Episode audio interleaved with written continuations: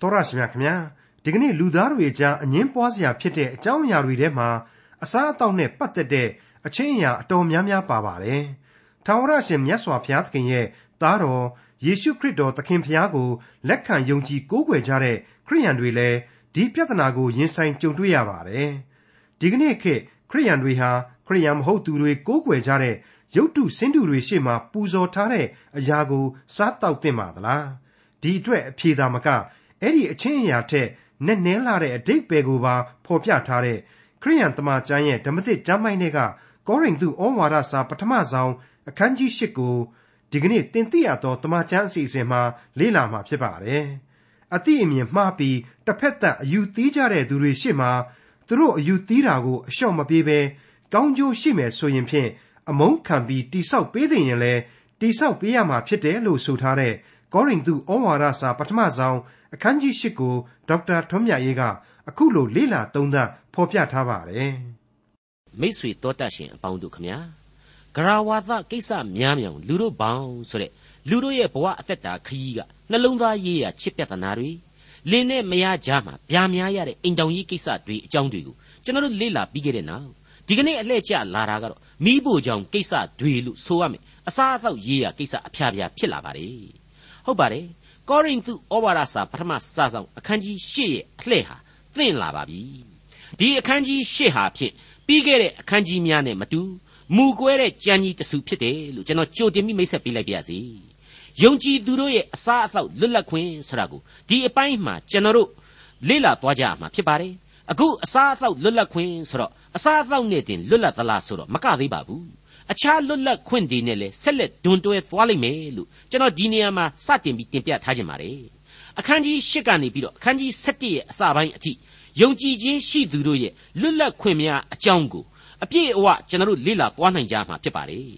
ဒီအပိုင်းတွေကိုလေကောရိန္သုဆိုတဲ့အရက်ကအသွေးသားဆန္ဒရမဲ့များကြီးစိုးခြင်းခံရသူအသင်းတော်ဝင်အသင်းတော်သူအသင်းတော်သားတွေကနေတဆင့် ကျွန်တော်မျက်မှောက်ခေယုံကြည်သူများအတွက်ရယူပွဲသင်ခန်းစာတွေအများအပြားကိုကျွန်တော်တွေ့သွားမှာဖြစ်ပါတယ်အဲ့ဒီအသွေးအသားနဲ့ပတ်သက်တဲ့အရာတွေပြီးသွားတော့မှရှင်ပေါလုဟာဝိညာဉ်ရေးဆိုင်ရာအဆုံးအမတွေတက်ကိုတခါပြန်လှည့်ပြီးတော့ဩဝါဒပြုတ်သွားလိမ့်အောင်မယ်ဆိုတာလေကျွန်တော်ဟာဒီဩဝါဒစာဏိဒန်းမှာကလေးကကြိုတင်အစီရင်ခံခဲ့ပြီးဖြစ်ပါတယ်သက်ဆိုင်ရာအခန်းကဏ္ဍကိုရောက်ရင်မိษွေတို့သိလာကြမှာပါမိษွေတို့မှတ်မိကြအောင်မယ်ထင်ပါတယ် အထူးသဖြင့်ပြည့်ညတ်တော်တွေအပေါ်မှာအထူးစိတ်ဝင်စားစွာလေ့လာသူတွေအဖို့ဝတ်ပြုရာကျမ်းအခန်းကြီးပေါင်းများစွာနဲ့တရားဟောရာကျမ်းတွေထဲမှာဘာအသားတွေစားရမယ်ဘာအသားတွေမစားရဘူးဘယ်ငါးတွေကိုစားရမယ်ဘယ်ငါးတွေကိုမစားရဘူးစသဖြင့်ပေါ့အဲ့ဒီလိုပါပဲငှက်တွေလည်းဒီအတိုင်းပါပဲစားရမယ့်ငှက်မစားရမယ့်ငှက်ဆိုပြီးတော့ဘုရားသခင်ဟာဣသရေလလူမျိုးတော်အပေါ်မှာပြည့်ညတ်ခဲ့ပါတယ်အမှန်တော့အဲ့ဒီပြည့်ညတ်တော်တွေကိုလိုက်နာပါတယ်ဆိုပြီးတော့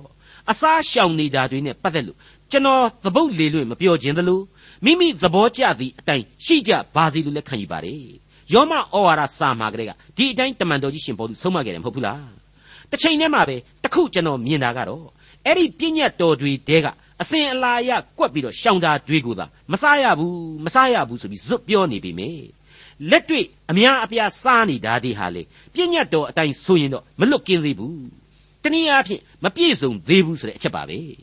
တနည်းအားဖြင့်တော့ဘုရားသခင်တားမြစ်ထားတာတွေဟာအသေးစိတ်လိုက်မယ်ဆိုရင်အများကြီးရှိတယ်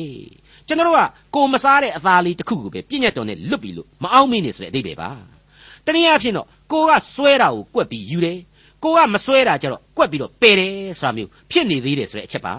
ဒါကိုကျွန်တော်ကအသေးစိတ်ပြီးတော့လက်ညှိုးထိုးအပြစ်မပြောလို့ပါဘူးနှုတ်ကပတ်တော်နဲ့သာပြန်ပြီးတော့ကိုက်ညီမှုရှိမရှိကိုကိုဖာသာကိုဆန်းစစ်လေ့လာကြည့်ဖို့ရန်တိုက်တွန်းလိုပါတယ် အဲ့ဒီလိုအစားနဲ့ပတ်သက်ပြီးတော့ဘုရားသခင်ဟာဂျူးလူမျိုးတို့ကိုတားမြစ်ခဲ့တဲ့အခြေခံသဘောတရားကိုတရားဟောရာကျမ်းအခန်းကြီး14အငယ်1ကနေ3အတွင်းမှာအခုလိုကျွန်တော်တို့ပြန်ပြီးတော့တွေ့မြင်နိုင်ပါတယ်သင်တို့သည်သင်တို့ဘုရားသခင်ထာဝရဘုရား၏သားဖြစ်ကြ၏သေသောသူအတွက်အသားကိုမခုတ်မရှရမျက်မှောင်ကြားမှာအမွေးကိုမရိပ်ရသင်တို့သည်သင်တို့၏ဘုရားသခင်ထာဝရဘုရားအဖို့တန့်ရှင်းသောလူမျိုးဖြစ်ကြ၏ထာဝရဘုရားသည်မြေကြီးပေါ်မှာရှိသမျှသောလူမျိုးတဲ့ကိုတော်ပိုင်တိုက်သောအမျိုးဖြစ်စေခြင်းဟာ သင်တို့ကိုရွေးချယ်တော်မူပြီးဆက်ဆုပ်ရွံရှာပွေသောအစကိုသင်တို့မစားရအဲ့ဒီလိုအမိန့်တော်ကိုဏ္ဍန်ပြိုးခဲ့တယ်ဆိုတာကိုသေသေးချာချာပြန်ပြီးမြင်နိုင်ပါလိမ့်မယ်အဲ့ဒီအချက်တွေတဲကအချို့အချို့သောအချက်တွေဟာဘုရားသခင်ရဲ့စိတ်တော်ထဲမှာဘယ်လိုသဘောထားရှိတယ်ဆိုတာကိုရိပ်မိသိရှိအောင်လို့ဖော်ကျူးပေါ်လွင်အောင်ဖော်ပြနေတယ်လို့ကျွန်တော်ကယူဆမိပါတယ်ဘုရားသခင်ဟာအဲ့ဒီအချိန်ကာလမှာဣသရေလလူမျိုးတော်ကိုပိုးမွေးတယ်လို့မွေးပေးနေရတယ် နိုင်ငံတော်သစ်အဖြစ်အသစ်ထူထောင်နိုင်ဖို့ကျမ်းမာရေးလူမှုရေးနဲ့တကွစီကံကလနာတွေတင်းကျပ်စွာချမှတ်နေတယ်ဆိုတာဟာအသေးအချာကျွန်တော်တို့တွေ့ယူလို့ရနိုင်ပါတယ်အစားအသောက်တွေဟာအဓိကအားဖြင့်ကျမ်းမာရေးအတွက်အဓိကဖြစ်လိမ့်မယ်လို့ကျွန်တော်တွက်ဆပါတယ်ဒီကနေ့တောင်မှကျွန်တော်တို့ဟာဆရာဝန်တွေကနေပြီးတော့ကိုနဲ့မတည့်တဲ့အစားတွေကိုရှောင်ခိုင်းရင်ရှောင်နေကြရသေးတာပဲမဟုတ်ဘူးလားနှုတ်ကပတ်တော်မှာတချို့တချို့သောဩဝါဒစာတွေပြည့်ညတ်တော်တွေဟာအဖြူအမဲအလွန်သဲကွဲပါတယ်ဥပမာငါမတပါအခြားသောဖះကိုမကိုးကွယ်ရ သူ့သားမယားကိုမပြစ်မှားရလူအသက်ကိုမသက်ရသူ့ဥစ္စာကိုမခိုးရမှုသာမပြောရဆိုတာမျိုးတွေဖြစ်ပါတယ်ရှင်းနေတဲ့ဥပဒေသားတွေပေါ့ပြည့်ညတ်ချက်တွေပေါ့တချို့အချက်တွေကြတော့ညင်းလို့ခုံလို့ရတဲ့တားမြစ်ချက်တွေဆိုပြီးတော့ပြောလို့ရလာပါတယ်မဖြူလဲမဖြူဘူးမမဲလဲမမဲမသေးကွဲသောအချက်များပေါ့ဒီအကြောင်းတွေကိုယောမဩဝါဒစာမှာတော့ကျွန်တော်အသေးစိတ်ရှင်းပြခဲ့ပြီးပါပြီခံယူသူတို့သဘောကျတယ်လို့ရှိကြပါစေဆိုပြီးတော့ပေါလုဟာယောမဩဝါဒစာနဲ့အဲ့ဒီအပိုင်းမှာ ဆုံးမခဲ့မှုပြုခဲ့ပြီဆိုတာလေကျွန်တော်ရှင်းပြခဲ့ပြီးပါပြီအခုအစားနဲ့ပတ်သက်ပြီးတော့ကောရိန္သုကိုဆုံးမတဲ့အပိုင်းမှာအဲ့ဒီခေတ်ကာလအချိန်အခြေအနေတုန်းကကောရိန္သုသားတွေရဲ့ဝန်းကြီးအတွက်ဘယ်လိုဈေးဝယ်ထွက်ရတယ်ဘယ်လိုနီးနဲ့အစာရှာရတယ်ဆိုတာကိုကျွန်တော်သိထားမှသာလျှင်အခုအဆုံးမစားဟာအတိတ်ပဲပုံမိုရှိနိုင်မှာဖြစ်လို့ကျွန်တော်အနေနဲ့အသေးစိတ်ချေမှုန်းပြခြင်းပါတယ်အဲ့ဒီခေတ်ကာလမှာကောရိန္သုဟာ Venus နတ်ဖျား Aphrodite နတ်ကွန်ကြီးအမှုပြုတဲ့နတ်တွေကိုသာကိုးကွယ်ခဲ့တယ်ဆိုတာကိုကျွန်တော်ပြောခဲ့ပြီးပါပြီနတ်ကိုးကွယ်တဲ့ဆိုရင်အကောင်တွေနဲ့ရစ်ပူဇော်မယ်ဆိုတာဟာရှင်းနေပါတယ်အဲ့ဒီအကောင်တွေနဲ့ရစ်ပူဇော်ခြင်းဆိုတာကတော့ဂျူးတို့ကိုဘုရားသခင်ကစေခိုင်းတဲ့အသွေးတော်နဲ့ရစ်ပူဇော်ခြင်းနဲ့အလားတရန်တူပါတယ်အနှစ်သာရကတော့မိုးနဲ့မြေလိုကွာခြားနေပါတယ်တခြားစီဖြစ်ပါတယ်ဂျူးတို့ရဲ့ပြည့်ညတ်တော်ဆရာဟာဘုရားသခင်အဖို့မွေးကြိုင်သောရစ်ဘုရားသခင်ထံမှမိသဟာယရစ်တန်ရှင်းစေခြင်းအတွက်အပြစ်ဖြေရာအတွက်ပြုရသောရစ်တို့နဲ့ အတူတူပဲ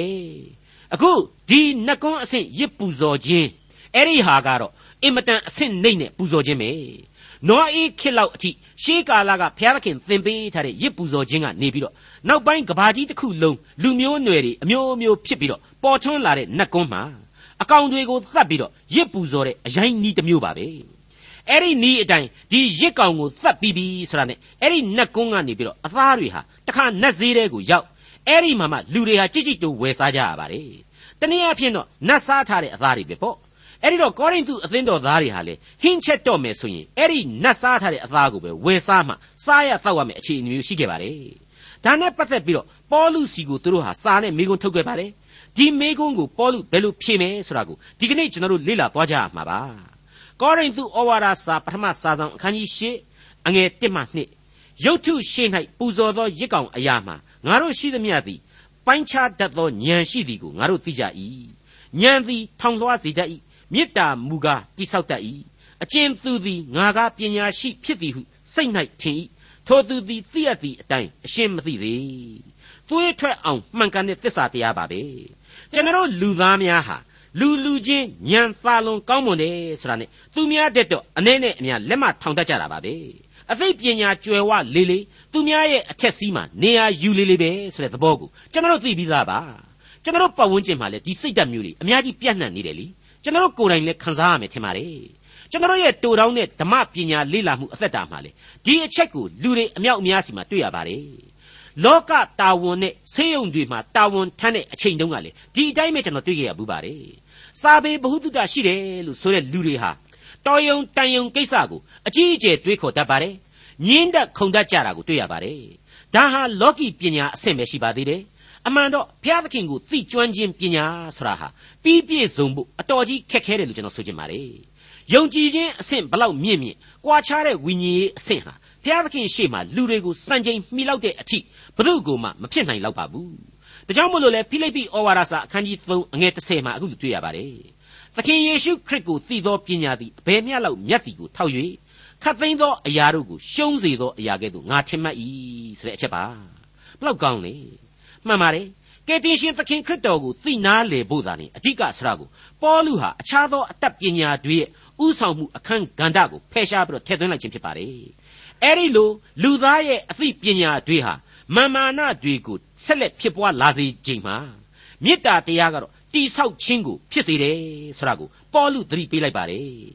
မာမာနတွေတစ်ဖက်ကပွားတဲ့အချိန်တစ်ဖက်ကတိဆောက်ခြင်းကိုဖြစ်စေတယ်တဲ့ဘလောက်ကောင်းတော့ကောရိန္သုဩဝါဒစာပထမစာဆောင်အခန်းကြီး၈အငယ်3နဲ့4ဘုရားသခင်ကိုချစ်တော်သူမြည်ဒီကဘုရားသခင်သိစေတော်မူသောသူဖြစ်၏ရုတ်တုရှေ့၌ပူဇော်သောရစ်ကောင်ကိုစားခြင်းအရာ၌ရုတ်တုသည်ဤလောက၌အချီးနှီးသက်သက်ဖြစ်သည်ကို၎င်းတဆူရီသောဘုရားသခင်မှတပါအဘယ်ဘုရားသခင်မျှမရှိသည်ကို၎င်းငါတို့သိကြ၏ ပညာဆိုတာဟာထောင်လွှားတတ်တယ်မေတ္တာဆိုတာဟာတိဆောက်တတ်တယ်ဆိုတာကိုစောစောကဖော်ပြခဲ့ပါတယ်နော်အခုဆိုရင်ဘုရားသခင်ကိုချစ်တဲ့စိတ်အားဖြင့်ဘုရားသခင်ကိုသိကျွမ်းနားလည်လာတယ်နှုတ်ကပတ်တော်ကိုသိလာတယ်အဲ့ဒီခါမှာတော့ဘုရားသခင်ဟာတဆူကြီးသောဘုရားသခင်ဖြစ်တယ်ဆိုတဲ့ဝိညာဉ်ရေးအသိအဆင့်မြင့်လာတယ်အခြားရုပ်ထုဆင်းတုတွေဟာဘာမှမဟုတ်ပါလားဘာတကူမှမရှိပါလားဆိုတာကိုသိပြီးတဲ့နောက်မှာတော့နတ်ကုန်းကနေထွက်လာတဲ့အသားတွေကိုလေမင်းတို့စားလို့ဘာမှမဖြစ်နိုင်ဘူးဆိုတာကိုပေါ်လူတမင်ညွှန်ပြလိုက်ခြင်းဖြစ်ပါတယ် တခုတော့ရှိတာပေါ့ရောင်းလို့မကုံလို့ခြံထားတဲ့အသားဆိုရင်ပုတ်သွားမှာပေါ့ရင်ကောင်တွေတလောင်းလောင်းနေဆိုရင်လေဝင်းယောဂပိုးတွေပါပါလာမှာပေါ့အသက်ယောဂတွေပါဖြစ်မှာပေါ့သာမန်အဖင်ကတော့ဘုရားသခင်နဲ့ဘာဆိုဘာမှမဆိုင်နဲ့နတ်ကုန်းကအသားဟာအသားပါပဲတဲ့ရှင်ပေါလုပြောတယ်မင်းတို့စားခြင်းရင်စားမစားခြင်းရင်နေတဲ့ဒီသဘောပါပဲကောရိန္သုဩဝါဒစာပထမစာဆောင်အခန်းကြီး၈အငယ်9နဲ့6ဖျားများအရှင်များဟုဆိုသည့်အတိုင်းကောင်းကင်ပေါ် မြေကြီးပေါ်မှဖျားဟု၍ခေါ်ဝေါ်သမုတ်သောသူအများရှိတော်လေအကျင်ဖျားသခင်အထက်ကခတ်သိမ်းသောအရာဖြစ်၍အကျင်ဖျားသခင်အဖို့အလုံးငါငါတို့သည်ဖြစ်ကြ၏ထိုခမည်းတော်ဖျားသခင်တပါးရီသာငါတို့၌ရှိတော်မူ၏အကျင်သခင်အားဖြင့်ငါတို့မှစ၍ခတ်သိမ်းသောအရာဖြစ်ကြ၏ထိုသခင်ယေရှုခရစ်တပါးရီသာငါတို့၌ရှိတော်မူ၏အဲ့ဒီနတ်ကွန်းကြီးထဲမှာအမွှေးတိုင်တွေမှုန်းနေအောင်ထွန်းပြီးတော့ရေမွှေးတွေရှောက်ဖြန်းနေလို့လေသူတို့ပါဇက်ကသာဖျားတာဖြစ်တယ် ဘာမှတက်ဆွနိုင်သောတကိုးတော်ဆိုတာကြတော့ဖြစ်လာမှာမဟုတ်ဘူးတဲ့ဥပမာ Venus နတ်ဖျားစီကဘာတကိုးရှိနိုင်မှာတော့ကာမဂုဏ်အာယုံခံစားမယ်အခက်မသိရင်ကာလသားယောဂရမယ်ဒါပဲရှိတယ်အဲ့ဒီလိုပဲအပိုလိုဆိုတဲ့နတ်ဖျားရှိတယ်နာမည်နဲ့လိုက်အောင်အပိုပဲဒီတော့ဒီနတ်တွေစားဖို့ဆိုပြီးတော့အသားတွေတွားပြီးတော့ပူဇော်တယ်စိတ်တွေသိုးတွေနွားတွေစသဖြင့်ပေါ့အဲ့ဒီအသားတွေကိုနတ်တွေကစားပြီးပြီလို့ယူဆရတဲ့အချိန်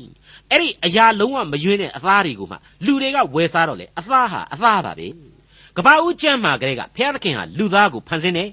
လူသားအတွက်မြေကြီးနဲ့မြေကြီးစားတွေလူတွေအတွက်တတ္တလောကကဘာကြီးကိုဆက်ပြီးတော့ဖန်ဆင်းပေးတယ်ဒီတော့လူတွေအုပ်စိုးရတဲ့တတ္တလောကကအဟိတ်တိရစ္ဆာန်ကိုဘုရားသခင်အခွင့်နဲ့လူကစားတယ်ဒါကိုလူကဓာတ်ရိုက်မစားဘဲနဲ့စိတ်ကူးရင်ကဘာတွေကနတ်တွေကိုအရင်ပူဇော်တဲ့အဲ့ဒီတော့တဆင့်ကြားတွေကဖြစ်လာအောင်လူသားတွေကသာလှုပ်ယူတဲ့အစဉ်အလာပဲမဟုတ်ဘူးလား ရှင်းနေတယ်လေ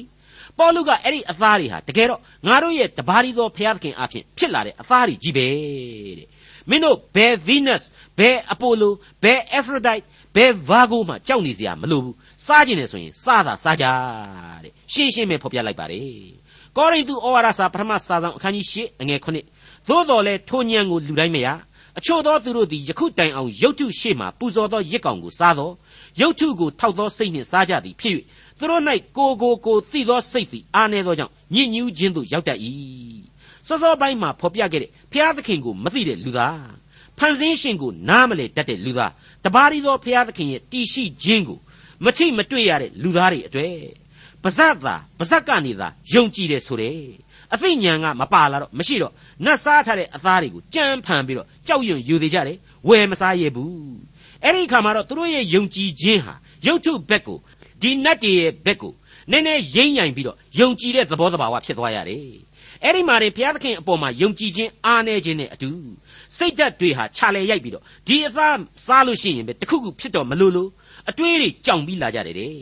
ပြီးတော့တခါတပတ်ကျော်လာတာကတော့အဲ့ဒီလိုကိုကအယူသီးပြီးမစားရဲတာကအကြောင်းမဟုတ်သေးဘူးစားရဲလို့စားတဲ့လူတွေကြတော့လေတွားပြီးအပြစ်တင်ကြသေးတယ်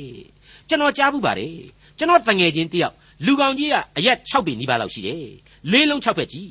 ဝက်သားအမဲသားများဆိုရင်90သားလောက်ကတော့တယောက်စားပဲပျော့ပျော့လေးကုန်နေသူကကိုယ်တိုင်ကလည်းအကောင်းကြိုက်တတ်တော့အမျိုးမျိုးလှုပ်စားတယ်လीခြံထဲမှာလည်းသူ့ခြံထဲမှာလည်းဝက်တွေစိတ်တွေကြက်တွေအကုန်ရှောက်မွေးထားတယ်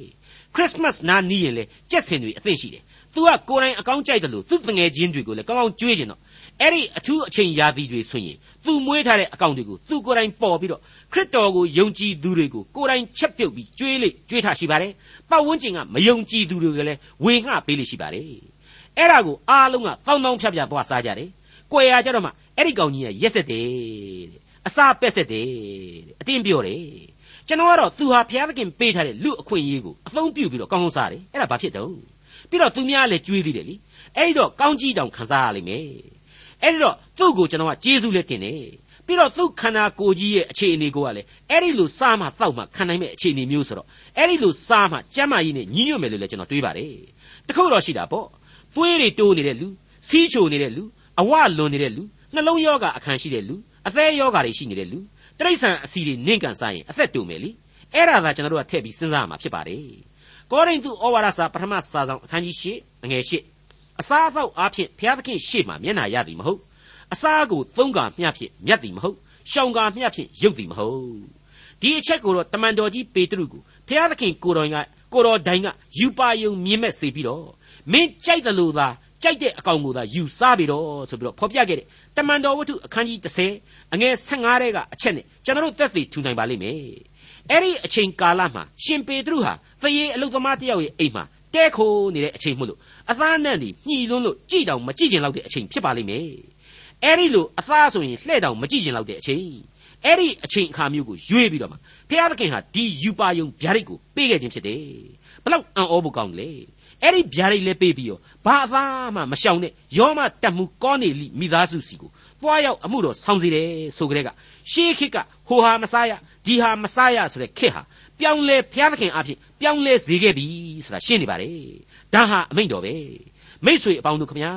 ဟိုအသားမသန့်ဘူးဒီအသားမသန့်ဘူးဆိုတာတွေကိုကျွန်တော်စဉ်းစားနေမယ့်အစားကိုယ့်ရဲ့စိတ်ဝိညာဉ်တွေဟာတန်ရှင်းကြမှုရှိရဲ့လားတန်ရှင်းကြရဲ့လားအဲ့ဒါကိုသာအလေးအနက်ထားပြီးစဉ်းစားရမှာဖြစ်တဲ့အကြောင်းကျွန်တော်လေးနဲ့စွာတင်ပြလိုက်ပါတယ်အခုရှင်ပေါလုကလည်းပြက်ပြက်သားသားပဲအဖြေပေးပါတယ်စားကျင်တာစား ဘုရားသခင်ကမင်းတို့အစားအသောက်တွေကိုကျမ်းမာရေးအင်စပက်တော်ကြီးတယောက်လို့ဒါမှမဟုတ်ရင်လေဇရော်ကဲကြီးလို့လာပြီးကြည့်မနေဘူးတဲ့ဟိုဟာမစားနဲ့ဒီဟာမစားနဲ့လာပြီးလုပ်မနေဘူးမင်းတို့ရဲ့စိတ်နှလုံးတွေကိုသာကြည့်နေတာတဲ့ရှင်းနေတာပဲမဟုတ်ဘူးလားတခုတော့ရှိပါတယ်နော်ကျွန်တော်ပြောခဲ့တယ်လို့ဘုရားသခင်ဗိမာန်တော်နဲ့တူတဲ့ကိုယ့်ရဲ့ခန္ဓာကိုယ်ရဲ့သန့်ရှင်းရေးကျမ်းမာရေးအဲ့ဒါတွေကိုတော့ဂရုစိုက်ရမှာဖြစ်တယ်လို့ကိုယ်စိတ်နဲ့ကိုယ်မစားခြင်းလို့မစားတဲ့လူတွေကိုတွားပြီးတော့လေရံမစားနဲ့မနှောက်နဲ့မပြောင်းနဲ့စားခြင်းလို့စားတဲ့လူတွေကိုလည်း အစာကြည့်တလေအစာတောင်းကြံတလေဘာလေးညာလေးတွားပြီးအပြစ်မပြောနဲ့အဲ့ဒါကိုသာဘုရားသခင်မကြိုက်တာဒါကိုအခုဆက်ပြီးမြင်ရပါဦးမယ်ကောရိန္သုဩဝါဒစာပထမစာဆောင်အခန်းကြီး၈အငယ်၉သို့တော်လဲသင်တို့အခွင့်ကိုအားနည်းသောသူတို့၌ထိမိ၍လဲเสียအကြောင်းမဖြစ်စေခြင်းဟာသတိပြုကြလော့ယုံကြည်သူတို့အတွက်ခရစ်တော်ရဲ့ကျေးဇူးနဲ့ဂရုဏာတော်ဟာဘလောက်အထိမြေသားဆန်ဆန်အလျော့အတင်းရှိတယ်လေ ဘဝလွတ်လပ်ခွင့်တန်ဖိုးကြီးတယ်လေအဲ့ဒီအခွင့်အရေးပေါ်မှာမူတည်ပြီးတော့သူများကိုသွားပြီးတော့စော်ကားတာစိတ်မချမ်းမသာလုပ်တာဆိုရင်တော့အပြစ်ဖြစ်ပြီဖျားသခင်ကမနှစ်သက်တော့ဘူးဒီနေရာမှာကျွန်တော်ကလွန်ခဲ့တဲ့နှစ်အစိတ်လောက်ကကျွန်တော်မိတ်ဆွေကျောင်းဆရာကြီးတယောက်နဲ့အတူမွေသားဟင်းချက်ပြီးစားခဲ့မိတာကိုသွားပြီးသတိရမိပါတယ်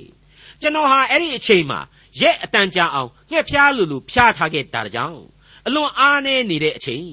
အဲ့ဒီကျောင်းကြီးကကျွန်တော်ကိုအကြံပေးတယ်မွေဟောက်သားစားကြည့် ခဏလေးနဲ့အပြန်ပြည့်မယ်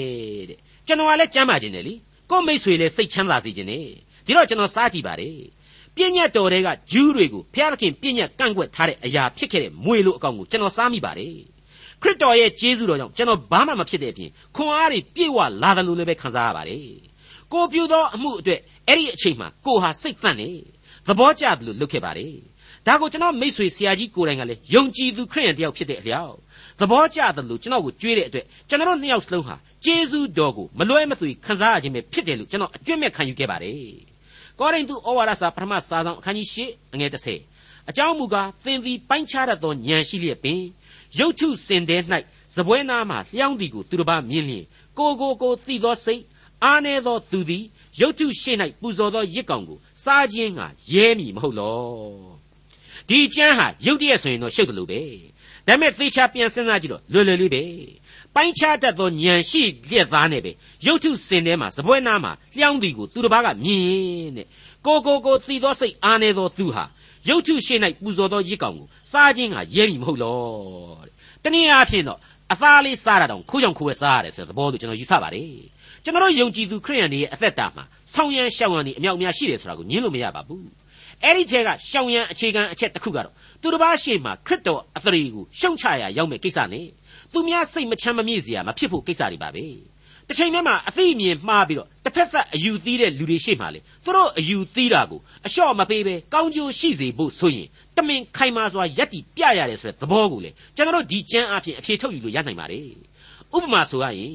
အိန္ဒိယနိုင်ငံရဲ့ဝန်ကြီးချုပ်ဖြစ်ခဲ့သူကွယ်လွန်သူ Mrs. Indira Gandhi ဟာ အိန္ဒိယနိုင်ငံမှာမြေကျွတ်တွေသိပ်ပေါ်ပြီးတော့မြေကျွတ်တွေကိုကပဲလေယာမြေရဲ့ငါးပုံတပုံကိုဖျက်ဆီးနေတယ်ဆိုတာကိုစည်ရင်းစရာတွေအရာသိလဲသိလာရအောင်လေအဲ့ဒီမြေကျွတ်တွေကိုအိန္ဒိယလူမျိုးတို့စားသောက်သင့်တယ်ဆိုပြီးတော့အားပေးခဲ့တာကိုသတင်းစာမှာကျွန်တော်ဖတ်ဖူးပါတယ်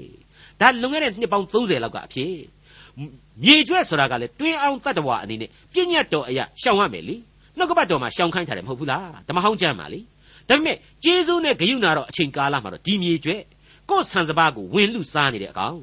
ကျွန်တော်ကတော့ရှောင်စရာမလိုဘူးလို့ယုံကြည်တယ်များများသတ်စားနိုင်လေလူသားအတွက်အကျိုးရှိလေပဲပြီးတော့အိန္ဒိယဆိုတဲ့နိုင်ငံဟာလူဦးရေကသန်းတစ်ထောင်ကျော်နေပြီလို့ကြားတယ်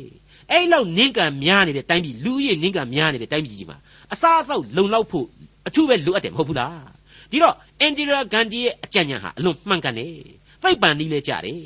ဒီရန်သူမြေကျွက်တွေကိုသတ်စားခြင်းအပြင်သူပြောတဲ့အတိုင်းသာသတ်စားမယ်ဆိုရင်တစ်ချက်ခုတ်ရင်နှစ်ချက်ပြတ်တယ်လို့ကျွန်တော်ယူဆတယ်အကျိုးနှမျိုးရှိတယ်လို့ယူဆတယ်အိန္ဒိယလူမျိုးတွေလည်းအာဟာရပြည့်ဝမယ်မြေကျွက်တွေကိုလည်းနှိမ်နှင်းပြီးသားဖြစ်သွားမယ်လေအခုနောက်ဆုံးကျွန်တော်မဂ္ဂဇင်းကြီးတစ်ခုမှာကျွက်တွေရဲ့အကြောင်းကိုဆောင်းပါးရေးတဲ့အခါကျတော့ဘွန်ဘေတစ်မျိုးတည်းမှာတင်ကျွက်ဥယေကလူတဲ့နှစ်ဆရှိနေလို့တစ်မျိုးလုံးကျွက်ပဲလှဲ့ကြည့်ပြီးကြောက်နေရတယ်ဆိုတာသိလာရတော့ကွယ်လွန်သူအင်ဒီရာဂန္ဒီဟာအမျော်အမြင်အလွန်ကြီးတယ်လို့ကျွန်တော်ကတွေးတောယူဆမိပါတယ် ခံယူမိလာပါတယ်အဲ့ဒီတော့အဲ့ဒီလိုကိုကခိုင်ခိုင်မာမာရက်တည်ပြီးတော့အကြံပြုခြင်းအားဖြင့်လေအများကသာလိုက်နာမယ်ဆိုရင်ကောင်းကျိုးကိုအမှန်တကယ်ဆောင်ကျဉ်နိုင်ပါပဲတနည်းအားဖြင့်ကောင်းကျိုးရှိမယ်ဆိုရင်အမုန်းခံပြီးတော့တိဆောက်ပေးသိရင်လည်းပေးရမယ်ဆိုတဲ့အဓိပ္ပာယ်ပါကောရိန္သုဩဝါဒစာပထမစာဆောင်အခန်းကြီး၈အငယ်၁၁မှ73ထို့သောဖြစ်လျင်အကျဉ်းကြီးအကိုအဖို့အလို့ငါခရစ်တော်သည်အသေးခံတော်မူ၏အားနည်းသောထိုညီအကိုသည်သင်၏ညံကြောင့်ပျက်စီးခြင်းသို့ရောက်ရပါသည်တကား သင်တို့သည်ညီအကိုတို့ကိုထိုတို့ပြစ်မှား၍သူတို့၌ကိုကိုကိုသိသောအားနည်းသောစိတ်ကိုထိခိုက်သောအခါခရစ်တော်ကိုလည်းပြစ်မှားရသို့ရောက်၏တို့ဖြစ်၍ငါ၏အစားအသောက်သည်ငါညီအကိုကိုပြစ်မှားမှားယွင်းစေလျင်ငါညီအကို၌မှားယွင်းစရာအကြောင်းမရှိစေခြင်းဟာအမဲသားကိုအစင်မပြတ်ရှောင်မည်မိษွေတော်တတ်ရှင်အပေါင်းတို့ခမညာအထက်ကဖော်ပြခဲ့တာတွေကတော့အပေါင်းလက္ခဏာတွေအပိုင်းလို့ကျွန်တော်ဆိုချင်ပါတယ်အားပေးထောက်ခံချက်တွေလို့လည်းပြောလို့ရနိုင်ပါလိမ့်မယ် အခုအပိုင်းမှာကျတော့ဆန့်ကျင်ဘက်ရှုထောင့်ကနေတင်ပြခြင်းအနှုတ်လက္ခဏာအကြံပြုခြင်းလို့ပြောင်းပြန်ပြန်ဆိုလို့ရမယ်ထင်ပါတယ်အသက်တာမှာကိုယ့်အဖို့တော့ဘာမှမဖြစ်တော့ပေးမယ်သူတစ်ပါးအတွက်စိတ်ထိကြိုက်စရာအကြောင်းဖြစ်မယ်ဆိုရင်တော့ဘုရားသခင်ရဲ့မေတ္တာတော်ကိုထောက်ရှုပြီးတော့ရှောင်တန်တဲ့၍ရှောင်လိုက်ရင်ပြီးတာပဲဆိုတာကိုပေါလုဖော်ပြလိုက်ပါတယ်အဲ့ဒါဟာမလျှော့မတင်စောင်းကြိုးညှင်းဆိုတဲ့စိတ်ဓာတ်ဘုရားသခင်ကြိုက်တယ်ကောရိန္သုဩဝါဒစာပထမစာဆောင်အခန်းကြီး30အငယ်23မှာ ငါသည်အပြစ်မသိမဲ့ခတ်သိမ်းသောအမှုအရာကိုပြုနိုင်သည်မှန်စေတော့ခတ်သိမ်းသောအမှုအရာကိုပြုသင့်သည်မဟုတ်အပြစ်မသိပဲခတ်သိမ်းသောအမှုအရာကိုပြုနိုင်သောသူမှန်စေတော့ခတ်သိမ်းသောအမှုအရာတို့သည်သူတစ်ပါးကိုတိဆောက်တတ်သည်မဟုတ်အဲ့ဒီလိုဖော်ပြထားပါတယ်ဒီတော့လူသားရဲ့အသက်တာဘဝလမ်းခရီးရဲ့ကောင်းကျိုးဆောင်ရာနီတိတွေဟာအတိတ်ပဲပြန်မယ်ဆိုရင်အဖက်ဖက်ကချင့်ချင်းစဉ်းစားရတဲ့သဘောရှိပါတယ်အလွန်ရှုပ်ထွေးနေနေခြင်းလည်းရှိပါတယ်ဘယ်အရာကိုမျှအသေးဆုပ်ကင်လို့ရတဲ့သဘောမရှိပါဘူး အလျှော့အတင်းရှိနေတဲ့ဆိုတာတွေကိုကျွန်တော်တို့တွေ့လာရပါတယ်မေတ္တာနဲ့ထုံနှောင်ဖွဲ့ထားတဲ့လူပေါင်းမှာလူရဲလူမှုကိုရှေ့ရှုပြီးတော့ဘုရားသခင်ရဲ့မေတ္တာတော်ကိုတိဆောက်ရေးအရေးဟာအလွန်အဓိကကျနေပါတယ်ဒီကနေ့ဒီအချိန်မှာကယ်တင်ရှင်သခင်ခရစ်တော်ရဲ့မေတ္တာတော်ကိုလူသားတို့မျှော်လင့်တောင့်တနေကြပါတယ်ဘာဖြစ်လို့လဲဆိုတော့ကိုကသာလူသားအချင်းချင်းအကောင်းမမြင်နိုင်တာတွေအမြင်မတည့်တာတွေရှိနေပေမယ့် ဘုရားသခင်ရဲ့ရှေ့တော်မှာတော့လူသားဟာအပြစ်သားတွေကြီးပဲဖြစ်တယ်ဒါကြောင့်မို့အပြစ်လွတ်ခြင်းအခွင့်ကိုလူတိုင်းလိုချင်ကြတယ်ကယ်တင်ခြင်းတရားဆိုတာဟာလူသားတိုင်းအတွက်ပဲဖြစ်တယ်ဆိုတာကိုလေကျွန်တော်တို့ကရှင်းရှင်းလေးပဲသဘောပေါက်နားလည်သွားကြရမှာဖြစ်ပါတယ်ဒီခါမှာတော့ကိုယ့်ရဲ့နေတရူဝအသက်ရှင်ခြင်းနဲ့ဆိုင်တဲ့အလေးအထားအကျင့်အကြံအပြုတ်အမှုအလုံးတို့ဟာငါဟာငါလောက်တာဘာဖြစ်လဲကိုကြိုက်ရင်ပြီးရောဆိုတဲ့ကျင်းမြောင်းတဲ့သဘောတာတဲ့ကိုကိုချစ်တဲ့ဘုရားသခင်ဟာကို့အတွက်ဘယ်လိုဆန္ဒမျိုးရှိတယ် သူ့အတွက်ကိုဟာဘယ်လိုဆောင်ကျင်းနိုင်မှုပြုမယ်ဘယ်လိုဆောင်ကျင်းနိုင်မယ်ဆိုတဲ့ကျေပြန့်တဲ့လမ်းကြောင်းဘောကိုရောက်သွားမှာဖြစ်ပါတယ်မိษွေတော်တတ်ရှင်အပေါင်းတို့ခမညာတမန်တော်ကြီးရှင်ပေါလုရဲ့အဆုံးအမဩဝါဒစာတွေဟာရုတ်တရက်လွှာပြီးတော့တွေးတဲ့လူတွေကတော့ဒါတွေဟာဒီလောက်မလိုဘူးဆိုတာမျိုးတွေးမယ်ကျွန်တော်ကတော့အဲ့ဒီလိုမတွေးဘူးဒီဖျားသခင်ရဲ့အစာအသောက်ပြည့်ညတ်တွေ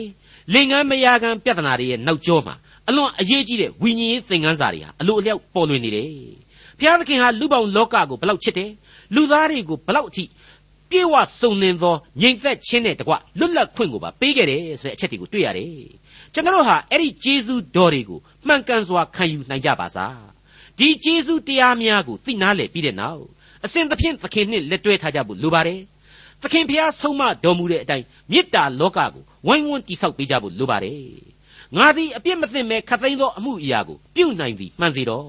ခတ်သိမ်းသောအမှုအရာကိုပြုသင့်သည်မဟုတ်အပြစ်မသိမဲ့ခတ်သိမ်းသောအမှုအရာကိုပြုနိုင်သောသူမှန်စေတော့ခတ်သိမ်းသောအမှုအရာတို့သည်သူတစ်ပါးကိုတိဆောက်တတ်သည်မဟုတ်ဆိုတဲ့အတိုင်းပဲ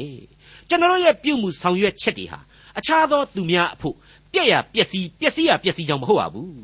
တိဆောက်ရာတိဆောက်ကြောင်းအတွက်ဖြစ်ရမယ်ဘဝများကိုကိုဟာမေတ္တာများစွာနဲ့အလင်းတရားကိုပြသနိုင်တော်သူဖြစ်ရမယ်ကဲတင်ခြင်းအလင်းတရားကိုလူတိုင်းရှေ့မှာကိုယ့်ရဲ့လှုပ်ဆောင်ချက်တွေအားဖြင့် တက်သေးထင်ရှားအောင်ပြသရမယ်လူသားတွေဖြစ်ပါတယ်ဒီအချက်တွေကိုတမန်တော်ကြီးရှင်ပေါလုရဲ့ကောရိန္သုဩဝါဒစာဟာညွှန်ပြနေခဲ့ပါတယ်ဆက်လက်ပြီးတော့ညွှန်ပြသွားအောင်မှလည်းဖြစ်ပါတယ်အလွန်ကောင်းမွန်တဲ့ကောရိန္သုဩဝါဒစာပထမစာဆောင်ရဲ့အခန်းကြီးများကိုလေ့လာရခြင်းအပြင်ကျွန်တော်လူသားများဟာကယ်တင်ရှင်သခင်ပေးသောကယ်တင်ခြင်းကျေးဇူးတရားနဲ့အညီသူ့ရဲ့နောက်တော်ဘာကိုဆက်လက်လျှောက်သွားပြီးတော့ယုံကြည်ခြင်းတရားကိုကျင့်ဆောင်နိုင်ကြပါစေကြောင်းဆုမွန်ကောင်းတောင်းပေးလိုက်ပါရစေ ဆုတောင်းကြပါစို့ကောင်းကင်ဘုံ၌ရှိတော်မူ၍ကျွန်တော်တို့တူးစီတို့ကိုအစဉ်အမြဲချစ်တော်မူသောယေရှုရှင်ဖခင်မြတ်စွာဘုရားသခင်ကျွန်တော်တို့သည်ကောရိန္သုဩဝါဒစာပထမစာဆောင်ကိုလေ့လာလျက်ရှိပါ၏ကိုရရှင်ဤပို့ဆောင်တော်မူခြင်းကျေးဇူးကြောင့်ဤအခန်းကြီးသို့ရောက်သည့်တိုင်အောင်ကိုရရှင်နှုတ်ကပတ်တော်မှဖွင့်ဆိုပြသောအတိတ်ပဲများကိုကျွန်တော်တို့သည်ကိုရရှင်ထံမှရရှိသောဉာဏ်အလင်းအပြင်စ조사၍တင်ဆက်ပေးနိုင်ခဲ့ပြီဖြစ်ပါ၏။ အိုးဖာမေစွာဘုရားသခင်ကျွန်တော်တို့သည်အပြစ်လူသားများသာဖြစ်သောကြောင့်အပြစ်အုံနှောက်မှလာသောအတွေ့အခေါ်များသည်လုံလောက်ခြင်းရှိမည်မဟုတ်ပါ။ကိုရရှင်တန်ရှင်းသောဝိညာဉ်တော်သည်ကျွန်တော်ဤအုံနှောက်ကိုဆေးကြော၍တန်ရှင်းစေခြင်းအခွင့်နှင့်တကွာကျွန်တော်ဤပြန်ဆိုခြင်းအသံသွင်းယူခြင်းတင်ဆက်ခြင်းအလုံးစုံတို့သည်ကိုရရှင်ဤမေတ္တာအလင်းကိုလူသားတို့အားပေါ်လွင်ထင်ရှားစေနိုင်ဖို့ရန်ကျွန်တော်ကိုအသုံးပြုတော်မူပါသင်သိရသောတမန်ကျမ်းဤမိတ်ဆွေတော်တတ်ရှင်များအားလုံးတို့နှင့် သူတို့ဤမိသားစုအိမ်တောင်များတိုင်းတို့အပေါ်မှာကိုရရှင်ကောင်းကြီးမင်္ဂလာပေးတော်မူပါလူသားတို့ကြံစီ၍မမိနိုင်သောချစ်ချင်းမေတ္တာနှင့်ငြိမ်သက်ခြင်းစုကျေးဇူးကိုသူတို့ခံစားရဖို့အခွင့်ကိုပေးသနာတော်မူပါကျေးဇူးရှင်ဖခင်ဆောဘုရားသခင်ကျွန်တော်တို့သင်သိရသောတမန်ကျမ်းအဖွဲ့ကိုလည်းကိုရရှင်ဆက်လက်၍ကောင်းကြီးပေးတော်မူပါကျမ်းမာဝမ်းမြောက်ရှင်လန်းစွာဖြင့်အထူးသဖြင့်ကိုရရှင်ဤစိတ်ဝိညာဉ်သဘောထားကိုမွေးမြူ၍မိမိတို့လှုပ်ဆောင်ရမည့်အလုပ်များကိုပြီးပြီးပြင်းပြင်းကြည်ကြည်ပြွန်ပြွန်ထမ်းဆောင်နိုင်ဖို့အခွင့်ကိုပေးတော်မူပါ ကိုရရှင်ဆိုလိုသောဗျာဒိတ်တော်ဤနေဆိုင်သောဝိညာဉ်အနှစ်သာရများကိုတနေ့တဲ့တနေ့ပိုး၍ပိုး၍ထင်ရှားပေါ်လွင်အောင်ကြိုးစားပြန်ဆိုနိုင်သောသူများဖြစ်ဖို့ရန်လမ်းပြတော်မူပါကျွန်တော်ဤကဲ့သို့ဆုများကိုတောင်းလျှောက်သောအခါ၌ကျွန်တော်၌ကံဉဏ်ဝရိယရှိ၍မဟုတ်ကယ်တင်ရှင်သခင်ခရစ်တော်ဤမဟာနာမတော်မြတ်ကိုသာအမိပြု၍အလွန်ယိုသေးစွာဖြင့်ဆုတောင်းအသနာခံခြင်းဖြစ်ပါသည်ဖဖျားအာမင် ဒေါက်တာထွန်းမြတ်ရေးစီစဉ်တင်ဆက်တဲ့တင်ပြတော်တမချန်းအစီအစဉ်ဖြစ်ပါတယ်နောက်တစ်ချိန်အစီအစဉ်မှာခရိယန်တမချန်းဓမ္မသစ်ကျမ်းပိုင်းတွေကကောရိန္သုဩဝါဒစာပထမဆုံးအခန်းကြီး9ကိုလေ့လာမှဖြစ်တဲ့အတွက်စောင့်မျှော်နားဆင်နိုင်ပါတယ်။